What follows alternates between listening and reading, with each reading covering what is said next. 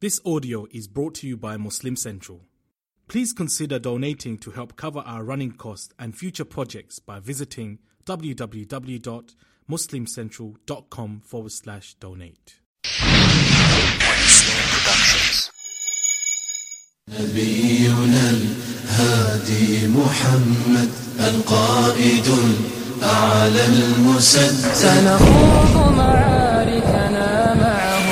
معهم وسنمضي جموعا نردعهم ونعيد الحق المغتصب وبكل القوة ندفعهم. سنخوض معاركنا معهم وسنمضي جموعا نردعهم ونعيد الحق المغتصب وبكل القوة ندفعهم وبكل القوة ندفعهم بسلاح الحق البتار. سنحرر أرض الأحرار ونعيد الطهر إلى القدس من بعد الذل وذا العار بسلاح الحق البتار سنحرر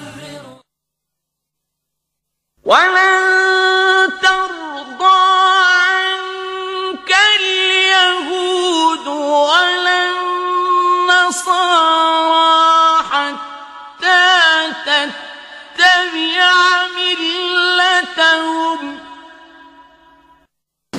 الحمد لله وكفى والصلاة والسلام على رسول الله صلى الله عليه وسلم وعلى آله وأصحابه وأزواجه ومن ولا وبعد فإن أصدق الحديث كتاب الله وخير الحدي حدي محمد صلى الله عليه وسلم وشر الأمور محدثاتها وكل محدثة بدعة وكل بدعة ضلالة وكل ضلالة في النار أيها الإخوة الكرام وأخوات السيدات السلام عليكم ورحمة الله وبركاته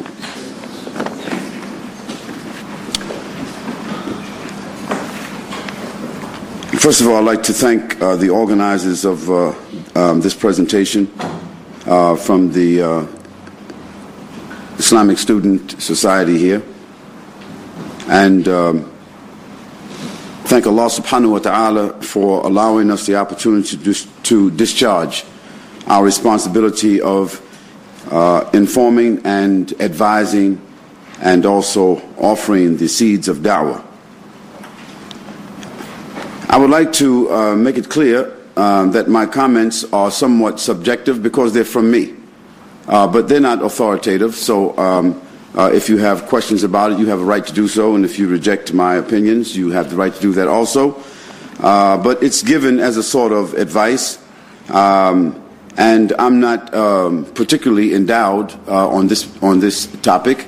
Uh, but like other Muslims, uh, I observe, uh, I write, I read, and then when I'm called upon, I do my best to try to address it in a um, um, in a manner befitting our Islamic responsibility. Our uh, task is to discuss uh, Islam in the modern world. This is a vast topic, a very provocative topic. Uh, so, in 40 minutes, uh, I don't hope to uh, go uh, deep into any aspect of it, but I hope to just sort of glaze over it and give all of us a perspective by which we might be able to appreciate it and understand it. In particular, um, I want to deal with meeting the challenge and the responsibility because this is the issue. The issue is not just looking at Islam in the modern world, but meeting the challenges and the responsibility. Before we move, I think it's necessary for us to be able to understand the meaning of civilization because when we talk about Islam in the modern world, we're talking about uh, the culture and the resources of two civilizations. Now, civilization is the culmination of the concepts and the values that come from a group of concentrated population or people over a period of time. This is civilization. And there are basically two kinds of civilizations. There's a civilization which itself has stemmed from uh, a scriptural aqidah.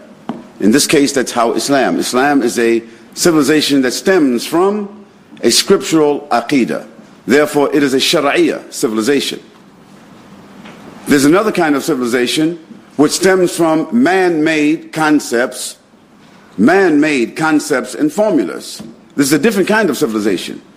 And when we examine civilization and look to the roots of it, we can then determine what's the nature of that civilization, what's the prospects of that civilization, what are the values of that civilization based upon what it is based upon. The basis of the Islamic civilization is two things, basically the Quran and the Sunnah. This is the combination of our Aqidah. The Quran and the Sunnah. Because we believe that the Quran is the legislation from Allah subhanahu wa ta'ala, and we have no doubt about that. We Muslims. And we believe that part of that guidance is the human example, the personification of the Prophet ﷺ in his Sunnah. And Allah subhanahu wa ta'ala reinforced this to us when he said to us, لقد كان لكم في رسول الله أسوة حسنة to the end of the ayah. Certainly there is for you, O human beings and believers in particular, in the Messenger of Allah وسلم, the most profound pattern of human behavior. Because every civilization needs two things. It needs a source of legislation and it also needs a source of human behavior. So in Islam, we have those two. On the other hand, these other civilizations, other than the Islamic civilization, they have what is called man-made legislation. And this is why it fluctuates and changes and has to be amended uh, so many different times. Secondly, it's a superficial, because from one, one group of people to another who are ruling, or who might be considered to be the elite, the rules, the laws change according to their desires. Fourthly, in that kind of a civilization, they come up with heroes. They come up with personalities. But it is always changing like a fad because when the hero grows up and dies, uh, or when those uh, personalities they grow up and they evolve and they die, then what happens is that the fad changes over and over and over. Excuse me. And so, on the basis of that, we see the fluctuation between that kind of a civilization, and we can obviously see that it is inferior from the outset. I want to build my, uh, and that's, uh, I'm just giving you that information so that as I move forward, we can basically see uh, a support for my thesis. Since the birth of Islam in the 7th century, there have been severe challenges and threats to its mere existence. Just to the existence of Islam, there have been challenges and threats. Since the time the Prophet ﷺ was commissioned by Allah subhanahu wa ta'ala, he represented a challenge just because of this revelation that claimed that he made that he had received legislation from Allah subhanahu wa ta'ala. Revelation which itself was legislation. If it was not legislation, it would not, not have proved any, any challenge. If it was just that he said, I received revelation from Allah subhanahu wa ta'ala, they would have said, this is beautiful. They would have wrote about it but because he said that it contained a rule, a legislation, a mandate, which means they had to conform to it, then it presented for them a problem, a challenge. Immediately, those that did not want to recognize, nor those who wanted to conform, they began to do what? Inevitably, it led to threats. Those threats inevitably went to the level where they want to kill the Prophet which means the Prophet being the personality, the personification of Islam, all the way up until now, the presence of Islam in the earth is a challenge. Just its mere existence is a challenge. And that challenge inevitably needs to be eliminated. Islam has not changed. The opposition has not changed. Only the dates on the calendar and the faces and the geopolitical realities have changed. Those are the only things that have changed. The new dynamics of the nuclear age, with its tremendous and profound technological and institutional sophistication, has placed a mountain of challenge in the path of the Islamic movement and the Islamic revival. But we who carry the certainty and the commitment of the superiority and the resilience of the Islamic message and the Islamic legacy, we know very well that roads are built over and through mountains. It is simply a matter of engineering and simply a matter of persevering. Here I'd like to quote to you a verse which Allah subhanahu wa ta'ala gave to us that personifies and supports this thesis. Allah subhanahu wa ta'ala mentioned to us in the Quran, أعوذ بالله من الشيطان الرجيم هو الذي أرسل رسوله بالهدى ودين الحق ليظهره على الدين كله ولو كره الكافرون It is He, Allah subhanahu wa ta'ala, who sent His Messenger Muhammad sallallahu alayhi wasallam with the guidance of the Quran and the Sunnah and the Deen al-Haq, that system of truth, al-Islam, in order that it, al-Islam, may prevail and conquer all other existing deen systems. Even though the disbelievers, or in two other ayats, even though the disbelievers or the mushrikun, the polytheists, or the munafiqun, the hypocrites.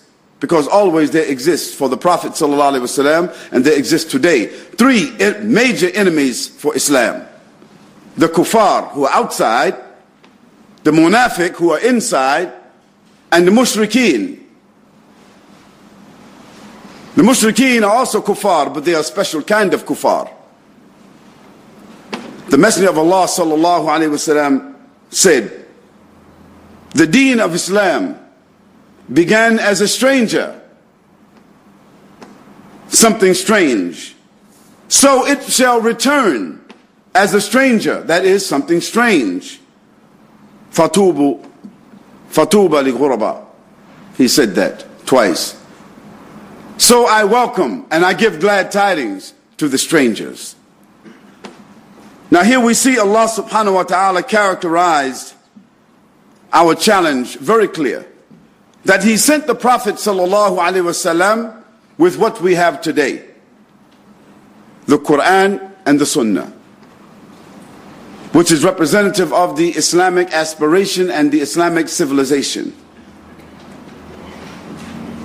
And let me remind the brothers and sisters here, the Muslims in particular, that the fact that we don't have a tangible Islamic civilization in the form of Islamic State or Khilafah is not the issue. It will not relinquish the opposition. And they will not just go away because there's no Islamic State. Our enemies don't fade away, nor do our mandate fade away because there is no tangible civilization. No. They will never go away until there's no evidence of the Quran and the Sunnah anywhere on the earth at all. And even then, they will not go away until they are certain that it will never ever come back. Allah subhanahu wa ta'ala characterized his system as deen al-haq. That is, everything outside of it is batil.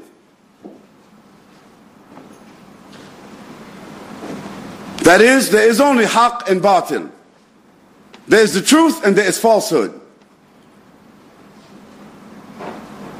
In order, he sent the Prophet ﷺ with this message, the Quran and the Sunnah, and this system of truth. For what purpose? لِيُظْهِرَهُ عَلَى الدِّينِ كُلِّ That it may prevail. It may start out as a seed, as a thought, as a word, as an inspiration, but inevitably, the aim is that it will spread throughout the world until it enters every home and every heart. And that its legislation, its sharia, that it will govern the entire world and regulate the affairs of the human beings wheresoever they are. This is the aim of Islam. We don't take a back seat to that. We say it straightforward, this is the aim of Islam. And those who take a back seat to it and whisper that, it is because they themselves have been compromised and they've been traumatized. Even though the disbelievers, they hate it, they detest it. Even if they smile in our faces and don't say it, they hate it and they detest it because it's a threat to the life that they want to live and the law they want to establish and the life that they want to establish throughout the earth. Whether it is called today globalism, imperialism, or communism or socialism or capitalism or hisism or sheism. The Messenger of Allah وسلم, told us that the deen of Islam began as a stranger. A stranger, yes. When Muhammad وسلم, came, he was known to his people. His character was known. His person was known. His family, his tribe was known. So what did it mean that Islam started as a stranger? The Arabs, they knew his language.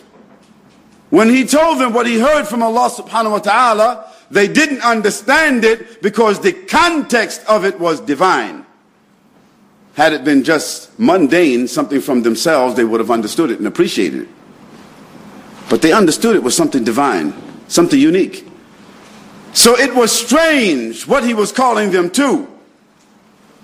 It was strange the characteristics he had adopted, the values, the principles, the behaviors, the etiquettes.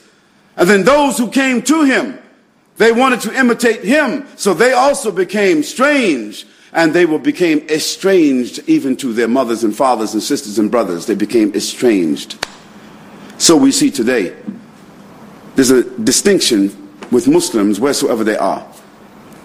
By the grace of Allah subhanahu wa ta'ala, I have visited more than 37 countries, or at least 37 countries. And one of the strange things that I have found is that when you go to a country and you find Muslims in that same country, let's take China for instance. You take Chinese Muslims, they are very distinct from the other Chinese. The other Chinese, they eat everything dogs, cats, and when and they got some Chinese that when their relatives die, they don't bury them, they cook them and eat them.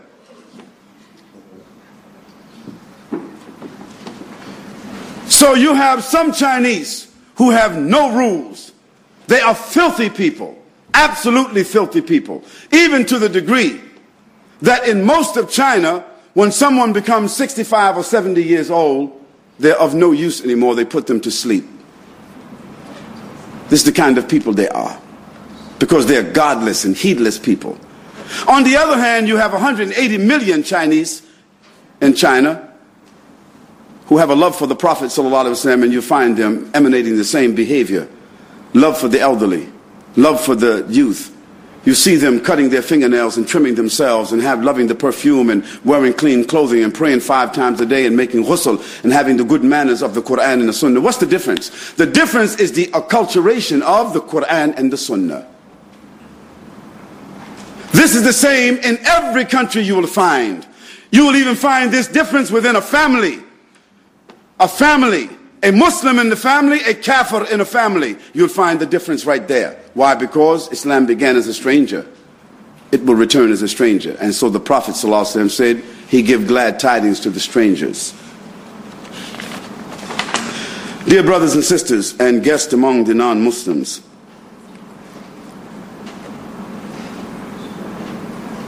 we have a challenge in front of us and that challenge is clear and eminent. The first challenge that we have in front of us is to come back to Islam. That's the first challenge. Those of us who are away from Islam, and I don't mean away from your name, I don't mean away from your culture, I don't mean away from your family, I don't mean away from your language, I mean away from the aqidah of Islam. Because if you're away from the aqidah of Islam, you are away, far away.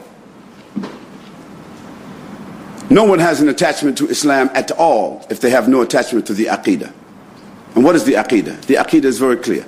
الإسلام استسلام لله بالتوحيد والانقياد له بالطاعة Al-Islam means surrender and submission to Allah subhanahu wa ta'ala according to the rules that he gave to us to his messenger sallallahu alayhi wa sallam, which is called at-tawheed. This is our worship. وَالْإِنْقِيَادُ لَهُ surrendering to Him, giving up, having no resistance, not offering your ideas, not offering your opinions, not offering your culture, not offering anything, but responding as Allah subhanahu wa ta'ala says, Istajibu lillah wa rasul. Respond to Allah and respond to His Messenger sallallahu alaihi wasallam when He calls you to that which gives you life Because this aqidah of Islam is what gives us life. Outside of Islam, even though you're Muslim, you are among the dead. This is what Allah subhanahu wa ta'ala, He characterizes for us. So our first challenge as Muslims, come back to the aqidah of Islam. If you don't know who, what it is, find a student of knowledge. Find a scholar. Have them to explain it to you like you would go to a doctor. If something was wrong with your mind or something was wrong with your body or you were vexed in your spirit, you would go to a doctor You would not talk to each other. When you are away from the aqidah of Islam, you need a doctor. So Allah subhanahu wa ta'ala says, فَاسْأَلْهُ أَهْلِ ذِكْرِ إِن كُنْتُمْ لَا تَعْلَمُونَ So ask those who know, if you don't know. The other challenge is called the intellectual challenge. We have several challenges. One is an intellectual challenge that the Muslims have to face. And what is this intellectual challenge? Let me just name a few of them that has happened to the Muslims.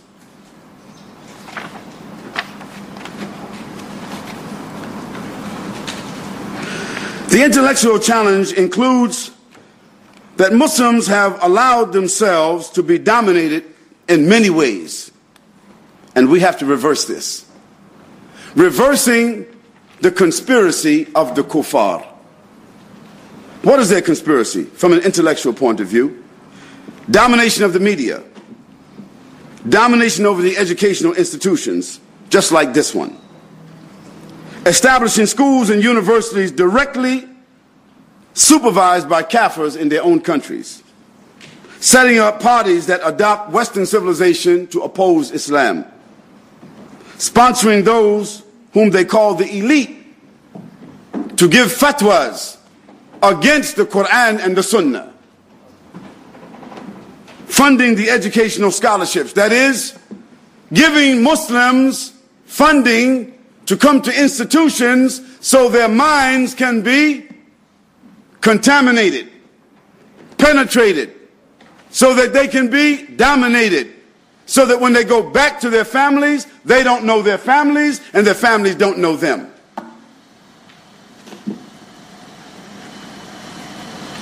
Destroying the Arabic language so that Muslims feel ashamed to speak the Arabic language. Because once the Muslim feels ashamed to speak the Arabic language, it means that they feel proud to speak another language.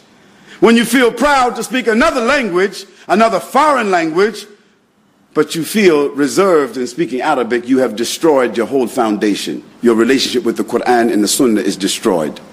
And your love for the ulama and the fuqaha has been destroyed. Then there is the economic challenge that comes in the form of dominating all the raw materials in the Muslim countries so that the Muslims themselves, they don't even own the natural resources in their countries any longer. I'll give you an idea. I'll give you an instance. In 1974, Nigeria was the third largest oil producing nation in the world. Today, Nigeria does not own its own oil reserves, which is still the third largest in the world, but BP and Shell and Exxon owns all the rights of the oil in Nigeria. They take the oil out of it and after that they sell it back to the Nigerian country, government. Who did that? The IMF and the World Bank. These are the kafirs we're dealing with. Second, making the dollar, whether it is the Australian dollar or the French dollar, or we call them dollars, but we know they call them different currencies, making the currency in the West prevalent as a source of, of value and eliminating the gold. Because when gold becomes the standard, the countries who have the gold become what? The possessors of the wealth. But they tricked the world and they took the currency and made it the wealth. And so then they took the wealth, paper dollars, and then they took and bought the gold from those countries with paper. So they took the gold and they own it now. All the gold is in Fort Knox and some other places, and they gave those people currency. Then after they gave them the currency, they depreciated the currency through wars. Then they told them now you can borrow more currency, okay, at 20%. And so now they own the country. Devils. Tricksters. continuing to make developing countries markets for consumption. So we are, the Muslims become consumer societies. They don't produce anything. Drowning the development countries with compound interest through the International Monetary Fund and the World Bank. And we can go on, but we don't have the time. Dealing with political struggle. The first and foremost challenge that has to be reversed was the destruction of the Khilafah in 1924. Because even when the Muslim Khilafah, that is the global Islamic state administration, leadership, even when it was corrupt, even when it was weak, still the head was on the body. And the Muslims had a reference, meaning that a strong person could become the Khilafah and then the strength will come back. But now that the head is decapitated from the body, it doesn't matter whether it's a strong person or not. How can a body move around and govern anyone without a head on the shoulders? So this was one. In addition to that, the establishment of the Jewish state in Palestine to use it as a satellite to control that part of the world that has two thirds of the oil reserves for the entire planet. It's simple. It was a geopolitical economic move. It has nothing to do with race or culture or religion. No more so than the issue in Iraq has to do with Saddam Hussein. The issue is purely geopolitical economic. Today, if war erupts in Iraq, more than 3,000 missiles will be rained upon Iraq in a course of six, six hours, and more than a half a million people will be killed. Can you tell me how the lives of a half a million people are equal to a leader, Saddam Hussein. If America was able to go into South America and pull out, what was the guy's name? General uh, Noriega. America was selling drugs with Noriega, but then Noriega flipped on them. So they went in and took this man from his country, brought him out, and put him in jail for life in their country. So why they just go into Iraq and pull out Saddam? No, they need to go into Iraq. Why? Because you'll find that in a matter of six months after the war, the prices in the oil will go down. And as we speak right now, there are 27 mega companies, mega companies who are bidding for contracts for the reconstruction of Iraq. What does it have to do with Saddam Hussein and democracy? Fourth, implementing their own political systems in order to replace the system and the possibility of Islam. Also, dividing the Muslim community, dividing the Muslims into independent states giving them their own so-called sovereignty. You see, they told each one of them, you can have your own sovereignty. Why, should, why you need a khilafah? You will have your own sovereignty, make your own king. But you will buy our goods. We will float our currency. Your money and your gold be controlled by us and our banks will interact and set up banks in your country, and we will control the industry in your country. So you only need sovereignty. And then what they did is they give those people whom they choose as leaders as much as they want to fill their stomachs and their houses, and they create poverty among the people, among the masses. The challenge that Muslims have also includes a military alternative. In Islam, there is a military alternative.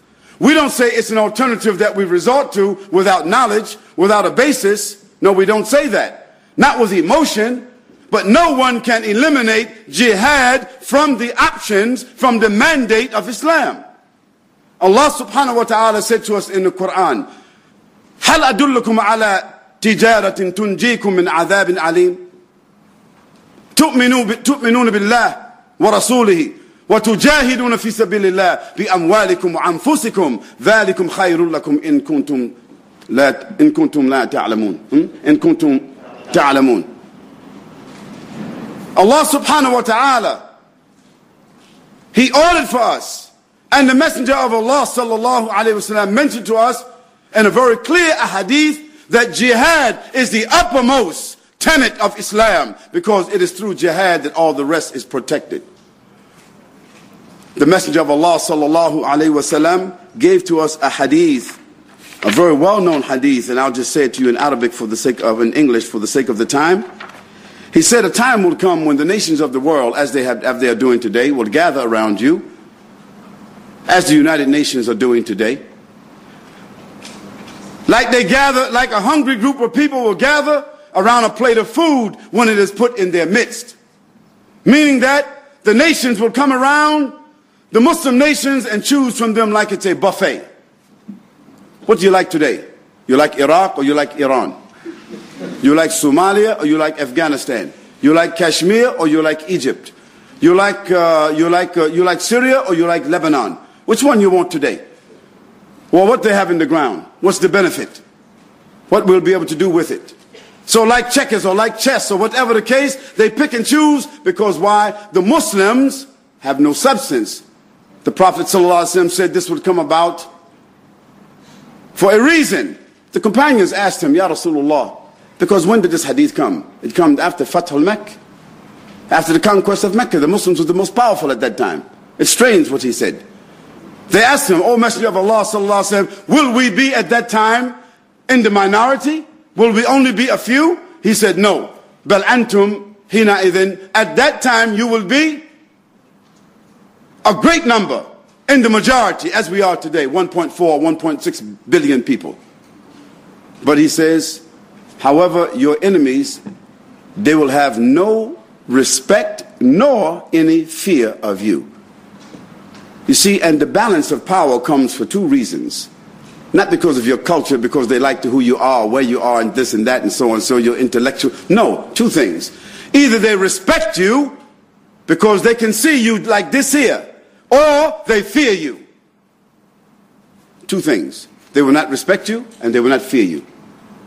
The other thing is that you will have substance no better or no, you will have any, no substance like the substance of the ocean when it comes onto the shore. Like he said, gutha as-sail. Like the bubbles on the sea when it goes into the shore and goes back out. What does it leave? Bubbles, foam, trash. This is the, this is the, this, the situation of the Muslims. And the Prophet ﷺ mentioned this. For what reason? How this will come about? Because Allah subhanahu wa ta'ala will strike inside of you wahin. What is wahin? These were Arabs. They didn't know what is wahin. He said, حب الدنيا وكراهية الموت.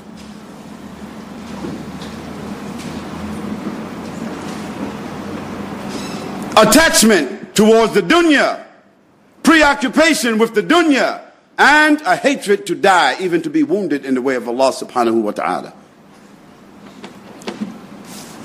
Dear Muslims, the threat is a cultural and a missionary one.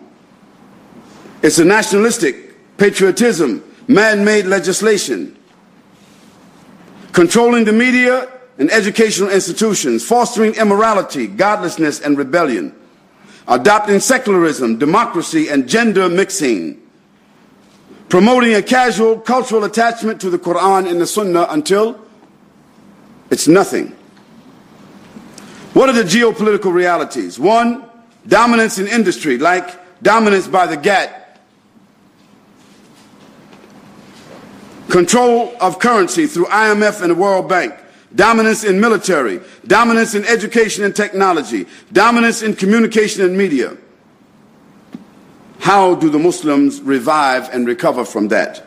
One, we revive through tarbiyah, education. We revive through tazkiyah. We revive through moral purification. We revive ourselves through social regulation, physical and intellectual training, development of resources, our own resources and our own institutions. My conclusion. Domination of the world by Western civilization is blatant, undeniable, and an undeniable reality. The paralysis and the trauma it has caused among the Muslims is another tragic reality. The positive aspect is that Islam has always proved to be resilient and self restoring. The Muslims must engage in dialogue, competition, and struggle to attain ascendancy in their given societies and in the world. They must reverse the effects of global conspiracies which threaten all which threaten and contaminate them. And they have to ignite a pure Aqidah-based revival movement worldwide. Inevitably, they must entertain the science, the science, the sacrifice necessary to reestablish the Khilafah and to re- reconstruct the geopolitical reality of the Islamic State. They must do all of this while remaining dignified, honorable, peace loving, standing for justice, productive, and law abiding. Now, this is very important. They must do all of this while remaining, as the Prophet characterized us as what?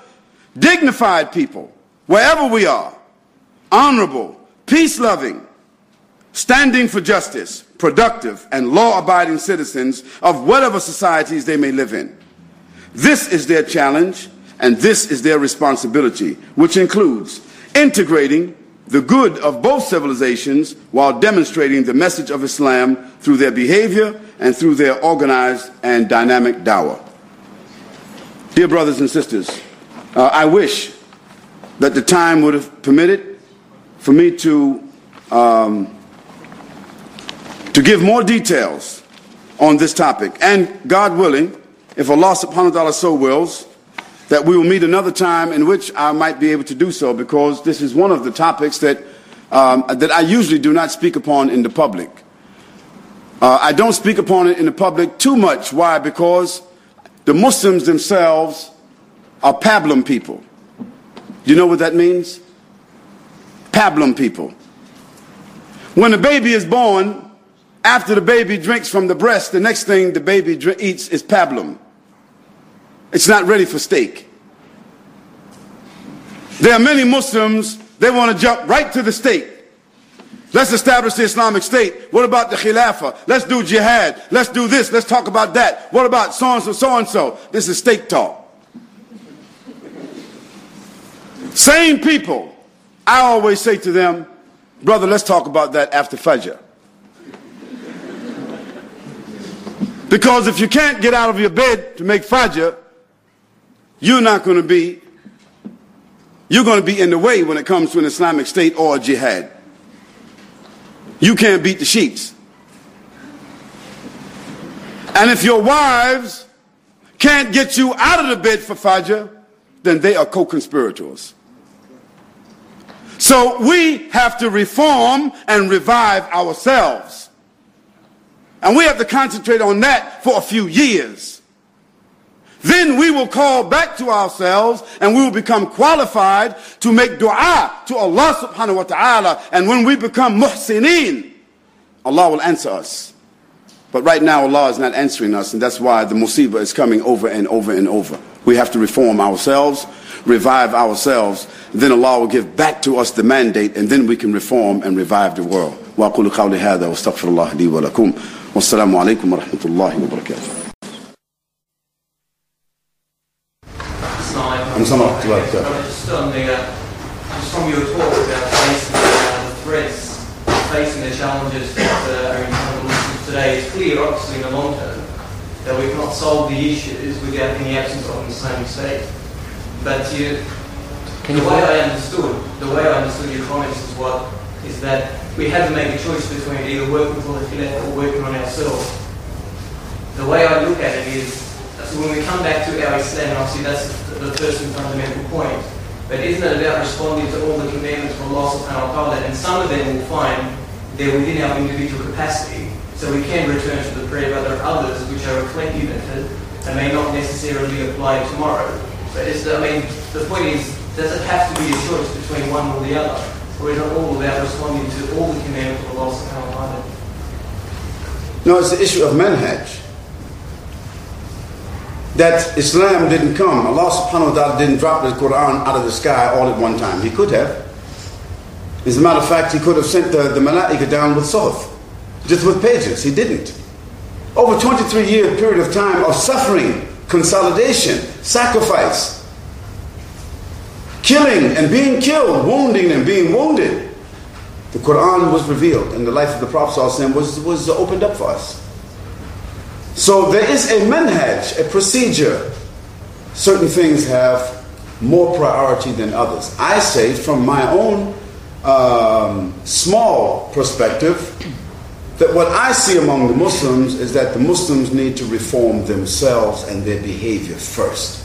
We need to know what Islam is before we say we want to establish it. This, this the need for education. Now, what you're doing here in the university is academic education. You're not going to become a doctor until you study medicine. You're not going to study medicine, and so you, uh, you're not going to become a doctor until you do an internship. You're not going to go to your internship until you study. You go to medical school. You're not going to go to medical school until you do some other preliminary studies. So there's a manhaj on the way. Keep the ideal in your mind and speak about it, but follow the manhaj. This is all I said. And the aqidah is the most important part of our manhaj. If you don't start off right, you're not going to end off in upright. One of our scholars who has passed away, uh, Abu Ala Maududi, he said in a book called Towards Understanding Islam, you cannot plant a mango seed and wish for an orange tree. It won't happen. And the Prophet ﷺ told us in a very good hadith Kullu a'malu bin niyat. It's upon the intentions. So inshallah, brother, have the very best intentions. All of us should. And uh, I think I was, I'll try to be uh, comprehensive in terms of our overall goal. But I, my suggestion was that we follow the manhaj and we begin with ourselves, inshallah.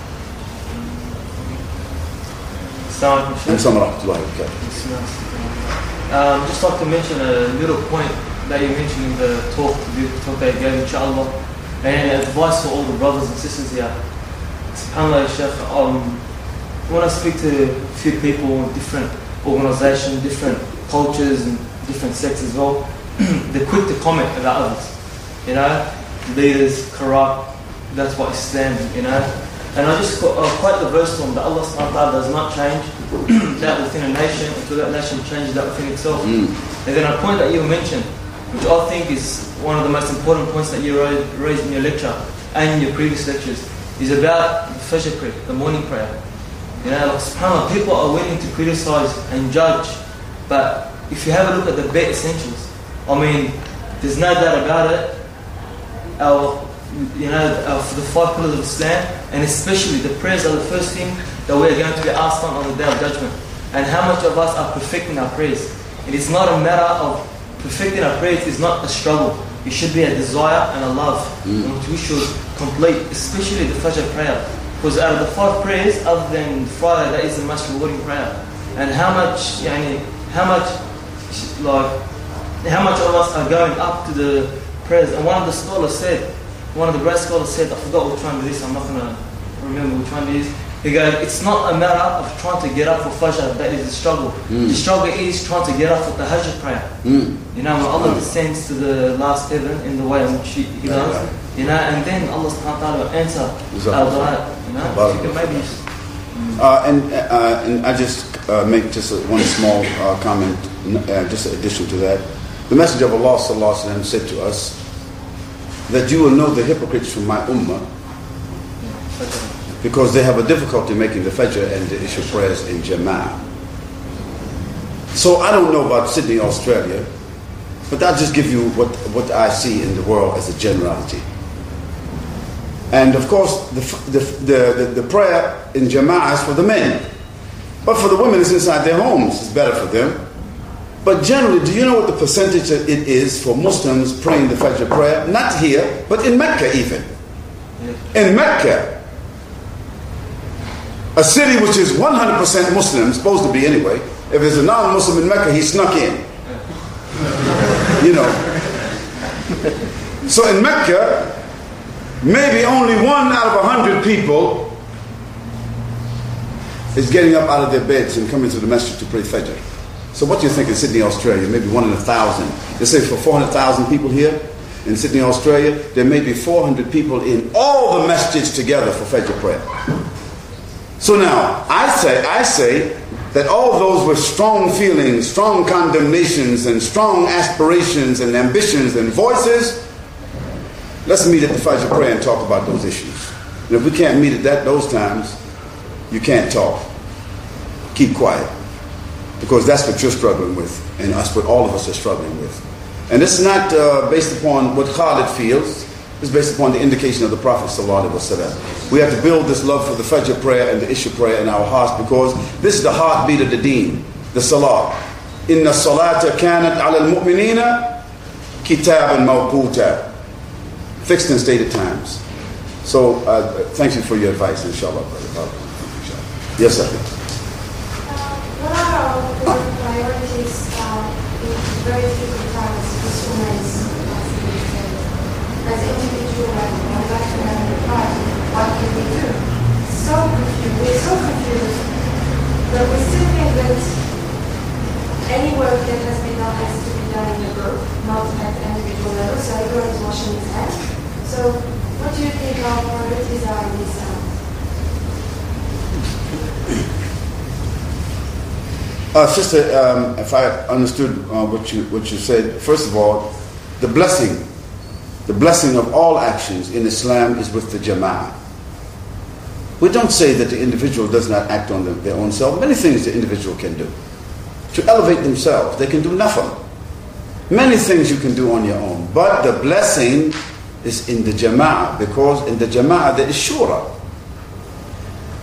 Something that you will not think of yourself when you're in the jama'ah, someone else will think of. The other thing is, the individual cannot regulate themselves. When there's jama'ah, there will be an amir. Someone will govern. Someone will, somebody will have accountability. So I say, let all of us individually exercise the nafal. Spend more money in the way of Allah. Spend more time in the way of Allah. Uh, seek more knowledge in the way of Allah subhanahu wa ta'ala. Join committees and do all the things and study and do everything you can do. But the blessing is in the jama'ah. So seek to do whatever you're doing in the jama'ah, even if it's only a small one. I, I think this was the nature of is this his question about the individual as opposed to the uh, jama'ah efforts. And of course, again, I go back to the issue. The first thing that we have to try to do, sister, is, is perform the fara'id in jama'ah. After that, the sunnah. Uh, and although we might think this is called fundamentalism, you know, this is, brother, you're just being oversimplistic. There is no replacement for the yeast in the biscuits. If you understand what I said, huh? You, you understand what I mean? In the yeast in the bread? There's no replacement for it. You got to have the yeast there, otherwise, it's not going to become bread. So the fundamentals have got to be maintained. And after that, then we can put the icing on it, or we can put whatever else we want it, we can give more sophistication. But don't forget the basics um, You said uh, to improve our Islamic state, we must improve ourselves first. And are we allowed to give dawah? Wouldn't that be a set of hypocrisy if we give dawah yet we don't fix ourselves? But what do we do? Can we give dawah while we are fixing ourselves? Of course. But, but uh, uh, the Messenger of Allah made it, made it incumbent upon all of us, Teach from me whatever you have, even if it's only a verse. Yes, you have to do that. But make sure you understand what you're giving da'wah upon. You first see the first thing that Allah subhanahu wa ta'ala did, He did what? He revealed what? Knowledge. Bada'a uh, uh, bil-ilm. He began with what? Knowledge. So first thing we have to pursue is knowledge, the proper understanding of Islam. Not sophisticated issues, but very simple issues. After that, amilu bih. Acting upon that knowledge. Then after that, da'watu ilay. Inviting upon that knowledge. And then after that, what? Sabr ala al-adhafi. Being patient upon the other which is going to come as a result of spreading this da'wah. This, these are the stages, and these are fundamental stages that the ulama and the fuqaha have given to us. We cannot uh, avoid that, and we cannot uh, circumvent that. This is the this is the uh, the advice which I have for you and for myself, inshallah. So this is regarding last night's lecture. Um, you mentioned there are five books. Apocrypha, I mean Apocrypha, yes. Yeah. Where Muhammad is actually stated. Do they, are they still in existence? Yes, yes, sure. You can go to. Matter of fact, I'm sure that a, uh, that uh, a, uh, a universal library. Oh, sorry, li- not, um, sorry, don't mean to interrupt. Not the actual books, but the actual passage stating that Muhammad will come to pass. No, that you, you can find if you go on the website Yeah. and put put in the word Barnabas, and you'll get a listing, the Gospel of Barnabas. Click on that. and you'll- Sorry, I know what that verse is exactly. Uh, the book of uh, chapter 5, verse 16, the Song of Solomon. I read it in Hebrew, don't read in English. Oh, okay, this is Azim. yeah. This is mentioned a, this is a, this is one moment. This is a different uh, Oh, reference. sorry. Yeah. Apocrypha means doubtful, which? No, this is a different reference. She's referring to something I said last night, so I'm responding to that, Brother Bilal, inshallah. Uh, the Apocrypha, he's right, it means doubtful books because the church fathers, the Catholic Church in particular, it was doubtful to them because it made reference to what they didn't want to make reference to. So they took it out uh, from the, the books that they wanted to make reference to, but they are legitimate books. If the rest of them are legitimate, surely the Apocrypha is legitimate. I don't use it as a reference. I'm only saying that it is a Christian reference. So Christians need to look at that reference, okay, because it's there. Uh, and it's called the Apocrypha, and one of the books is called the Gospel of Saint Barnabas. And Barnabas was one of the historical disciples of Jesus Christ. He was called Blind Barnabas. Uh, he happened to be one of the only people that walked with this person who was called Paul. But he didn't know who Paul was because he was blind. Uh, you will find a reference to the Prophet Muhammad in his gospel directly. That's the reference that I was giving. Sorry, I just have a second question. Um, are there any countries currently practicing Islamic law? And if so, which countries? Um, there are there are several Muslim societies that are implementing uh, different aspects of Sharia. Uh, I would not say there's anyone in the world today that we would say is an ideal Islamic state in which we can find the uh, comprehensive expression of Sharia in that society. Um, because we don't have an ideal world, so we don't have ideal Muslims. And ideal Muslims are the ones that create ideal families, and ideal families create ideal societies, and ideal societies create ideal governments. Uh, but certainly, this doesn't mean that uh, the Sharia is buried someplace and that it is in the past. It is not. Um, there are many countries, I would say uh, three or four countries, that we could use as a reference where it is a Sharia based system. One, one, is Saudi Arabia. If you become a Muslim, you can, uh, you can go there and you can make Hajj, or without even going there, you can look to their, uh, you can go to the Saudi uh, embassy. Uh, they, got, they have an embassy here, right? And they'll provide you with some, uh, I think they, they have some software. They'll, they'll show you what the basis of the, the relationship between their government and Sharia, what effect Sharia has upon their government and the implementation of their laws and their legislation. I said Sharia based. I don't say that uh, they're governed by Sharia completely. Yes. Yes. I'm sorry. You're supposed to you regular. I'm sorry. Um, first, I had a comment, then I. Okay. Um, my question was relating to going back to original sources and finding out the truth for yourself. Now, in relation to any political or ideo- ideological divisions that may occur within um, the history of Islam, Islam in itself is very clear on what a Muslim is. Now, um, the I know this is probably general knowledge to most of us, but the first thing is the Shahada, Salat, Saum, and um, Hajj, and of course Shahad. So, what is most important to understand, and Zakat, if I didn't mention, mention it, what's important to understand is that this is what constitutes a Muslim, and anything else is irrelevant. And this is the original source. This is what the Quran would say. So to and if you so and if this is what makes a Muslim, then as the Prophet said, a Muslim is not a Muslim until he wishes for his brother or sister what he wishes for himself. So I want to make this clear because some of the comments that were made are alienating, can be alienating, and if Muslims persist with this state, some Muslims persist with this state of mind, it can be very discouraging to other Muslims. Okay. And that's what Allah says. If we're following the command of Allah, this is what's supposed to come first. That our brotherhood and sisterhood is what's most important, and Allah tells us what's Muslim, not anybody else. The second question was in relation to. Can I, can I, uh, Yeah. can I respond to the first comment? Yeah. Okay. Uh, first of all, sister, you know, may Allah reward you. Uh, but the, the, the Arkan al-Islam, the five Arkan, uh, these are, uh, this comes from a hadith, Bunya al-Islam ala khamsin. You know this hadith. You know what it means, right? Bunya al-Islam ala khamsin. So Islam is built upon five pillars. So as Muslims, we live to try to establish these five pillars in our lives. But this is not the all of Islam. And simply because you make the Shahada to, to try to do that, this doesn't mean that's it. You become a Muslim and that's it. No. This is not the case. No, the sources of Islam is not the five pillars. I'm not saying that. Uh, okay, then uh, I, want to make this clear. Because uh, in my references that may alienate some people, uh, I'm referring to the Quran and the Sunnah. Knowledge of the Quran and the Sunnah and understanding the Aqidah based. Because the Aqidah based is what? It doesn't mean just a matter that you say, I accept the Quran, I accept Muhammad Sallallahu Alaihi Wasallam. But no, if you reject the Quran, if you reject the verses of the Quran, if you, if you reject the law of the Quran in your life, you don't accept the Quran.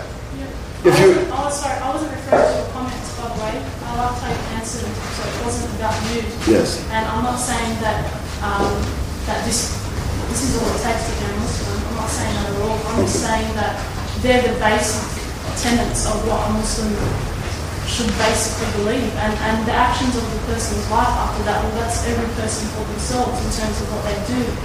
Uh, that's, uh, uh, that, that's, that's intrinsically not correct, sister, at all. This is, not, this is something taken from the unbelievers. That this whole I- issue of uh, as long as we have the five pillars of Islam and that's what makes a Muslim, just a moment, as long as we take the five pillars of Islam and uh, we are all Muslims and after that, that means it's a person's individual choice what they do and nobody should have any comment about that. No, there is accountability. In terms of what? There is accountability. You are, as a Muslimah, you are accountable to somebody in a Muslim country. The only reason you become an individual and you personify individuality is because you live in a country that has made individuality a religion. In Islam, you have an accountability. It is not just a matter, for instance, I give you, let me give you an instance because it won't take too much time because other people have questions. I give you an instance.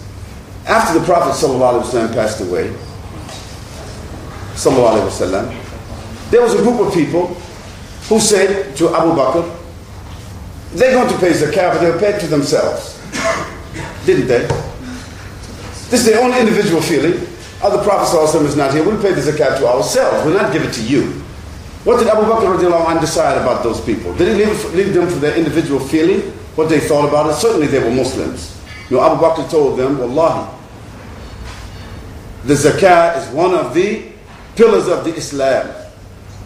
You will pay it in the same way it was paid during the time of the Prophet ﷺ, or I will wage war on you and I will take it from you. So Umar, I mean Abu Bakr was a very mild-mannered person. Usually, Umar was a very militarized, militant person. Umar and others anhu, said to Abu Bakr, Ya Abu Bakr, these are Muslims, how are you going to wage war on them? He said, if they change their shahada, will they be Muslims? No.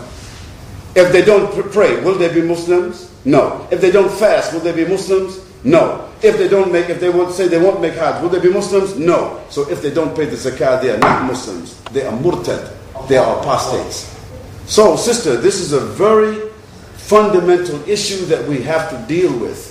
Uh, that we cannot be, look at Islam as an individual issue. That once I become a Muslim, I take my shahada, then it's my own individual. Nobody should put any uh, pressure upon me. La ikraha fi din is something different.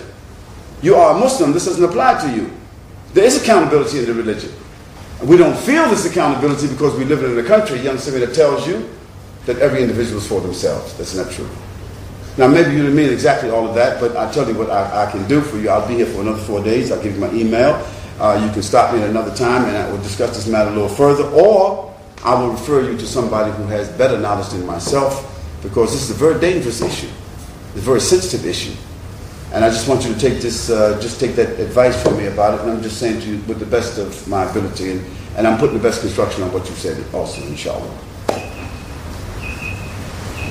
Brother, firstly, I just want to ask you a very simple question. Pardon my ignorance, but you find dawah for us if you're talking about it? Dawah. Yeah. And also, can you please just state, in your opinion, what is the best way that ladies, might sound a bit but how, how do ladies do dawah, or what's the best? A dawah, is in, in, dawah means, uh, by definition, it means calling, inviting people towards Allah subhanahu wa ta'ala. It means calling pe- people towards the deen of Allah subhanahu wa ta'ala. Calling people towards the aqidah of Islam.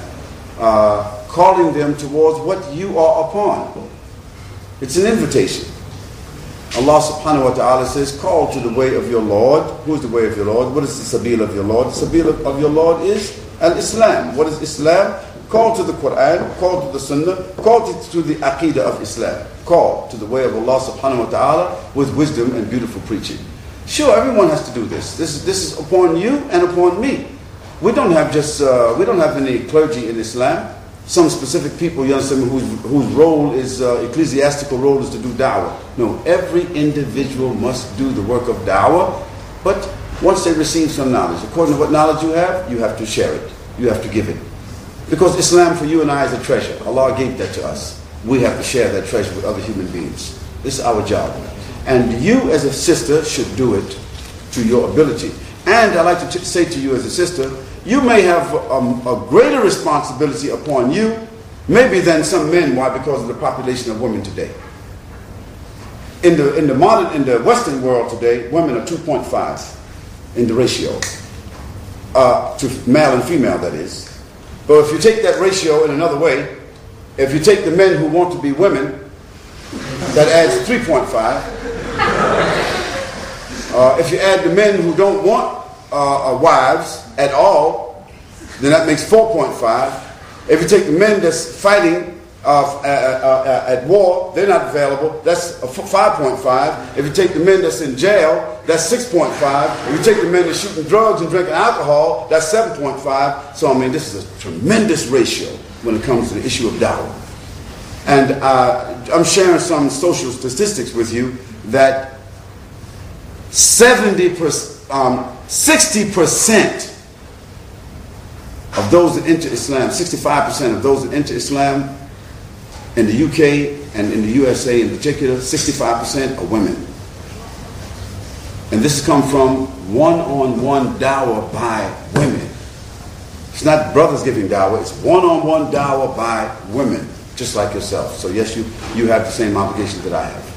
It's been so difficult last September 11, like, how, how, what are the ways to get around it? Okay, I'll briefly just address that. Sister, you know, uh, let me give you a, a couple of statistics, and I, I use statistics sometimes to explain issues.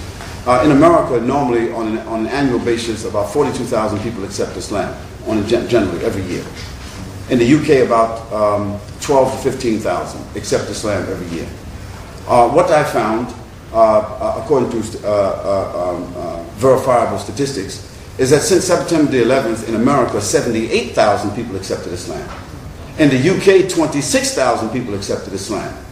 Uh, myself, uh, as uh, myself working within my institution according to my ability, in the last 10 years, um, I know that our institution has given at least 5,000 shahadas. That's on an average of what, 500 a year, isn't it? Well, since September the 11th, uh, he quoted a figure of uh, 1,476. Actually, it's now 1,523. So since September the 11th, the Islamic Teaching Institute has delivered 1,523. Now, this is not because uh, this, this is not because we have some ex- extraordinary capabilities. It's because this is one of the concentrations that we use. I say that you and each one of us should take 30 minutes a day and examine yourself, your capability and your resources, your colleagues, your neighbors, uh, your, co- your, your colleagues, your neighbors, and your, your co-workers. Target them. Spend 30 minutes a day talking to them about Islam. Engage them about Islam. But you have to make the intent to do it. And you will find maybe it'll be difficult for the first week, for the first month. But after you do it for about three months, that 30 minutes is gonna, it's gonna be easy for you. After a while, you're gonna be able to do it for an hour a day.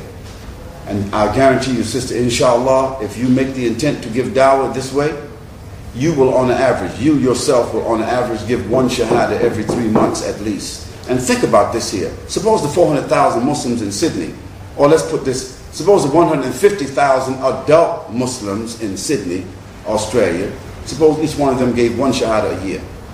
Not every three months, one every year. How would that affect this country? So dawah is a very powerful tool, but it's much neglected and much misunderstood by the Muslims. That's our problem. And I, I hope that I answered that for you. Um, because of the restriction of time, we've only got two more questions left. One from sister over here on the right. Okay, I think maybe we should take another one from the brothers. From the brothers? I think we, uh, we took five sisters in a row. Okay. One from the right. inshallah. Okay. Uh, today you made it very clear that Islam today is the same as Islam delivered from the Prophet. But I see, especially at uni, a lot of some of the brothers are trying to modify, modernize Islam. What kind of dawah can we give those brothers? We give them nasiha, akhi. Give them advice. Um, because the, the religion is advice. We can't, we, we're not in a position to force anything on people, and we don't want to condemn uh, Muslims, and we don't want to uh, antagonize Muslims. We want to advise them. Um, and the best way for you to advise someone is to develop a relationship with them. Because nobody's going to accept something from you if you have a remote relationship with them. Develop good relationships with your Muslim brother. If you differ even with him, differ with dignity, um, uh, with respect. And continue to advise each other because we're not going to rebuild the situation. We're not going to, to resolve all the problems in a day. Um, and be tolerant. One of the major behavioral assets of the Prophet ﷺ was toleration. The person that has toleration has wisdom.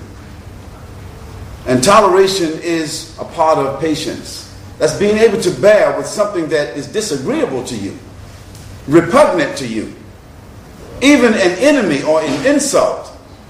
See, being able to bear with that without reacting. And this is very, very important at a time right now. Because the unbelievers will be pushing buttons to see if they can get a reaction. And if they get the right reaction, it's going to have a very adverse reaction on all of the Muslims. So I say to all of us, be patient and be more than patient. Um, express and exhibit tolerance, inshallah. Um, sister. Okay, um, brother, alaikum. And some of How rahmatullah. should we respond to sort of um, individuals' negative comments or defamation of particular scholars? How should we respond to this? Tell them to fear Allah subhanahu wa ta'ala, sister.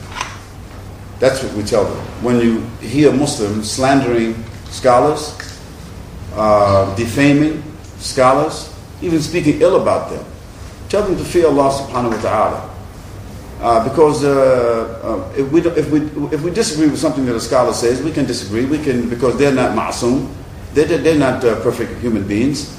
But if, but if we eliminate the scholars, if we slander a scholar, who are we going to replace with him? Him? No, just tell that person to fear Allah subhanahu wa ta'ala, and that's the best thing that we can do um, uh, because it's bad behavior. It's bad behavior. Uh, slandering the scholars is worse than uh, a person slandering their own father or mother. I think we can take one more, One more question, That's it, okay? Okay. Yeah. Um, what's your message or your word to Muslims living in the West, considering the fact that um, um, Muslims living in the West or in any other Islamic country is not really um, recommended? What's my advice to Muslims who, who choose to live in the West as opposed to in the Muslim country? Is that what you meant? Sandra? Yeah, that's part of my question. The other question in general, what, what, what's your message or your word to Muslims living in Western countries? As in like, you know, because you're subjected to many pressures, Yeah. many um, um, interactions. Well, um, generally there is uh, three reasons. First of all, that legitimatize a Muslim to be living in the Western countries. They came here for some knowledge, uh, which they intend to obtain and go back to their countries. or they came here to be treated for some uh, disease or some medical situation, they or their families, and once they receive that or they have the, the cure or the situation, they will go back. Or they came here for da'wah, in which case, as long as they are engaged in da'wah, they can stay. So that's just a general fatwa that is already established, very clear. This is uh, some uh, reasons why it gives legitimacy for Muslims. But those Muslims who just simply come to the Western countries, the Kafir countries, to get a better life, to have asylum and safety, and to raise their families up, and to enjoy that culture and under that umbrella, shame on them. They will, have, they will answer Allah subhanahu wa ta'ala for that. Um, but it, the case is what it is, dealing with the reality of it. We are here, living in these countries, whether we're born here or not. I say that what we should do is, and I think this was the last part of my statement uh, when I talked, I said we should try to integrate the best of what one society has, one civilization has with Islam. Integrate it to the best of your ability. Do so with your behavior. Uh, s- select from the best. Uh, the Messenger of Allah, وسلم, he sent some of his companions, if you can remember, to Habash. You see, he sent them there. Uh, because he said that what? Uh, there was a king there who was known to be just. He was not oppressive. He wasn't sending them there to engage in their culture. He wasn't sending them there to live there indefinitely. He was sending them there temporarily, you know, so that because it was the be- it was the, the lesser of the two evils. So um, I just advise uh, us to take from the seerah of the Prophet ﷺ, uh, and to use our behavior to um, use our behavior to show what Islam is to other people, and at the same token, use the treasure of Islam uh, to complement ourselves as opposed to the culture of the, the, the country that we're living in. May, may I just add this, that most of us are, the majority of the Muslims or Arabs which, which come to Western countries, they do come for financial reasons upwards. But um, what can we do in this case? Um, especially now, people come from Arab countries, they're coming out of polit- political reasons, and it's, it's just deteriorating, and it's just going down the drain.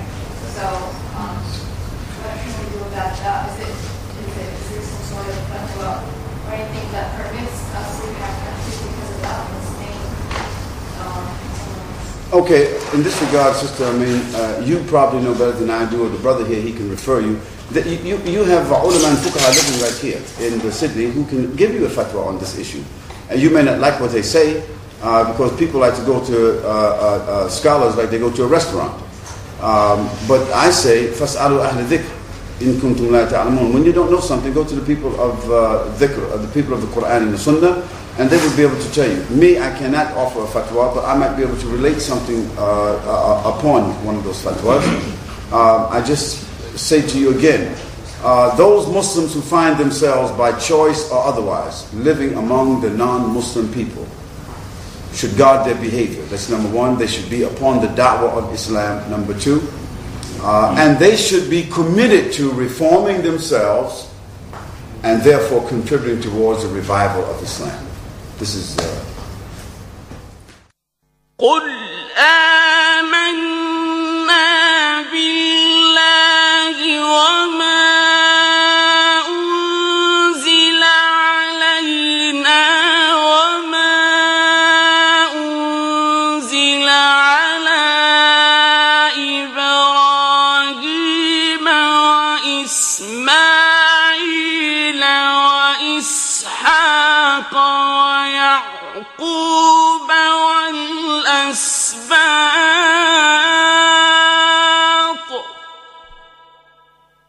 والأسباط وما أوتي موسى وعيسى والنبيون من ربهم لا نفرق بين أحد منهم ونحن له مسلمون. What is the purpose of life?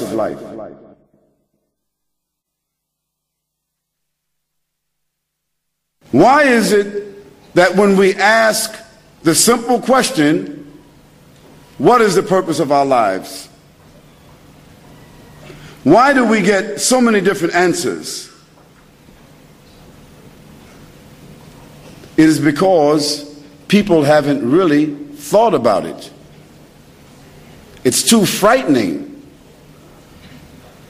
Not the question itself is frightening, but what's frightening is that if we answer it clearly, it may change our lives indelibly, and we are afraid of change. And now we have discovered that every part of creation that has been discovered is inside of a drop of water. Well, the Quran already said that to us 1500 years ago, that we created everything and every single thing from water. The Quran said that. We want to talk this evening about Jesus, the Son of Mary, and his phenomenal birth. a birth that very few human beings, whether Muslims or Christians, have any argument about. We believe, and our Quran makes it clear for us and confirms for us that Jesus Christ, in fact, he was born without the intervention of sperm.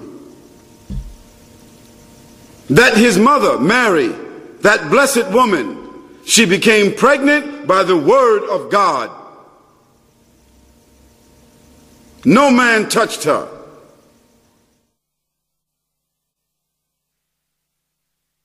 Eight murders or homicides are committed every 19 minutes. And two rapes are committed every seven minutes. And there are three robberies every 59 seconds. There are 257,000 children that are legally or illegally aborted. That is, 257,000 children are killed in the womb by license. 21 million children are born every year out of wedlock who do not know their mothers and fathers, or who do not know whom they are fathered by. 2.8 million suicides every year of human beings who find no reason to live. With these kinds of social problems inside of their own boundaries, inside of their own governments, in their own institutions, how can they bring peace to the world. It doesn't make sense. O Muslims, Allah subhanahu wa ta'ala reminds you and me that whatever good happens, it is from Allah subhanahu wa ta'ala. And if something else happens, this is from our own hands. Allah subhanahu wa ta'ala, He has ordered you and I to enjoin what is right and forbid what is wrong. And when we cease to do that, we don't enjoin the right, we don't enjoin, uh, enjoin the, we don't enjoin the right, we don't forbid the wrong, then Allah subhanahu wa ta'ala promised that He will visit us a calamity from Himself. So that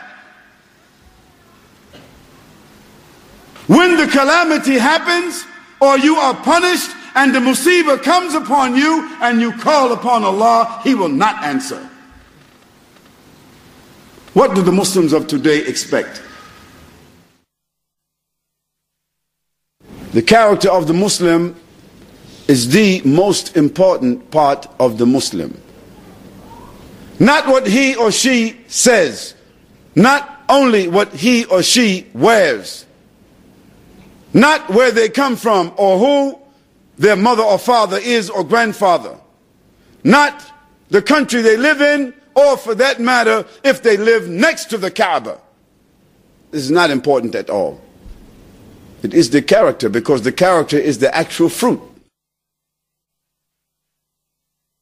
And we can remember on the occasion when the Prophet ﷺ invited his companions to make a sacrifice in the way of Allah subhanahu wa ta'ala.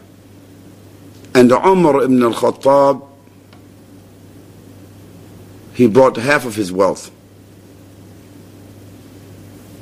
And he considered this to have been a major sacrifice. And he was very proud of that. But when Abu Bakr radiallahu anh came, Abu Bakr, he brought all of his wealth.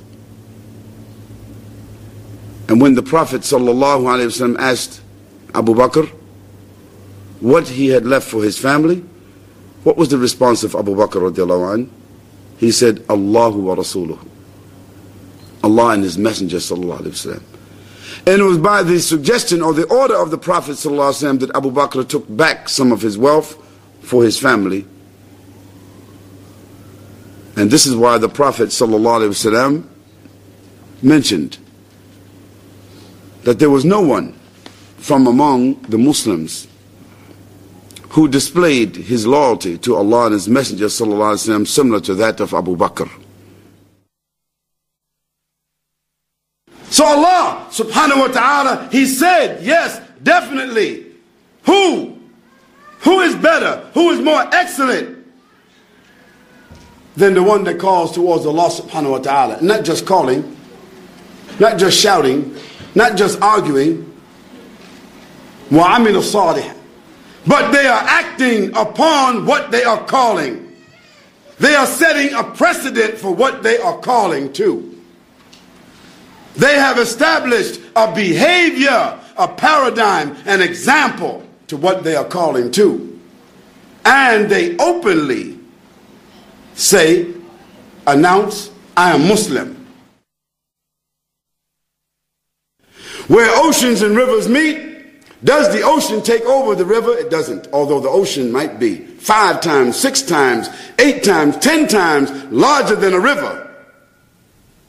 And you know, if you took two bodies of water and you put a funnel in between them, what would happen? The larger body would absorb the smaller body, wouldn't they? But in the case of the ocean and the river, it doesn't happen because Allah said He put a barzakh. So they do not overcome each other. And one of our, uh, Jacques Cousteau, who passed away now, he was a marine biologist, he was able to film under the ocean where the rivers meet the ocean, and the river meets the ocean, and the ocean meets the river, and they go back. They meet and they go back. So therefore, the rivers return back to itself, and the ocean returns back to itself. They do not overcome each other. How did the Prophet know that? Islam has five fundamental pillars the first of which is to bear witness that there is none to be worshipped except Almighty God, consistent with the first commandment given to Moses, consistent with the first commandment that Jesus Christ also said is the greatest of the commandments. Hear O Israel, the Lord thy God is one. Absolutely one. Not the number one. Not the number one that could be divided into one, two, three. Not the number one that could be multiplied, but absolutely one, having no one besides, no other God besides. Hear ye, O Israel, the Lord thy God is one, and thou shalt love the Lord thy God with all thy heart and all thy mind and all thy soul, and thou shalt not worship anyone except the Lord thy God, nor bow down to any graven images in the heavens or the earth or the sea below. Such said Moses, and such said confirmed Jesus Christ, and such says the Quran. This is what we bear witness, and this is the first pillar of Islam, and the most important. If war erupts in Iraq, more than 3,000 missiles will be rained upon Iraq in a course of six, six hours, and more than a half a million people will be killed. Can you tell me how the lives of a half a million people are equal to a leader, Saddam Hussein. If America was able to go into South America and pull out what was the guy's name? General uh, Noriega. America was selling drugs with Noriega, but then Noriega flipped on them. So they went in and took this man from his country, brought him out, and put him in jail for life in their country. So why didn't they just go into Iraq and pull out Saddam? No, they need to go into Iraq. Why? Because you'll find that in a matter of six months after the war, the prices in the oil will go down. And as we speak right now, there are 27 mega companies, mega companies who are bidding for contracts for the reconstruction of Iraq. What does this have to do with Saddam Hussein and democracy? If a man had to get pregnant and have a baby, he would die. And then on top of that, if he had to look forward to taking care of that child for the next 10, 15, 20 years, and sometimes the mother, she's taking care of a grown child. Men who still live with their mothers. You couldn't do it. And still she's taking care of herself and she's taking care of her husband. May Allah subhanahu wa ta'ala reward those sisters. And may Allah cover their faults. And may Allah cause the husbands and brothers and sons to appreciate them because they are the goodly trees that bear the goodly fruit Allah subhanahu wa ta'ala mentioned in the Quran. The Messenger of Allah sallallahu he made brotherhood very sacred, very important. It's the whole basis of the Muslim society, brotherhood. And when there's no brotherhood, believe it, there is no substance among the Muslims. No substance. The first principle and characteristics of da'wah is that the da'i has to have knowledge. Not just ambition, not just emotional drive, and not just a reaction to some insult that somebody has said, and not just a feeling to want to give dawah because you know it's an obligation. All of those things are good, and it's all necessary.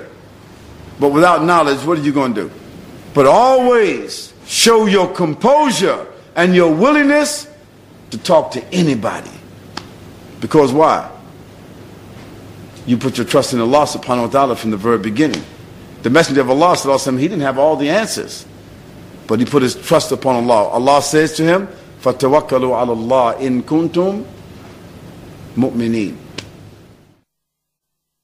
القائد الأعلى المسدد نبينا الهادي محمد في روحه عزم عظيم في الهمة الكبرى تجسد يغشى الوغى من غير خوف وحنين والأحزاب تشهد في روحه عزم عظيم. في الهمة الكبرى تجسد يغشى الوغى من غير خوف وحنين والأحزاب تشهد يغشى الوغى من غير خوف وحنين والأحزاب الأحزاب تشهد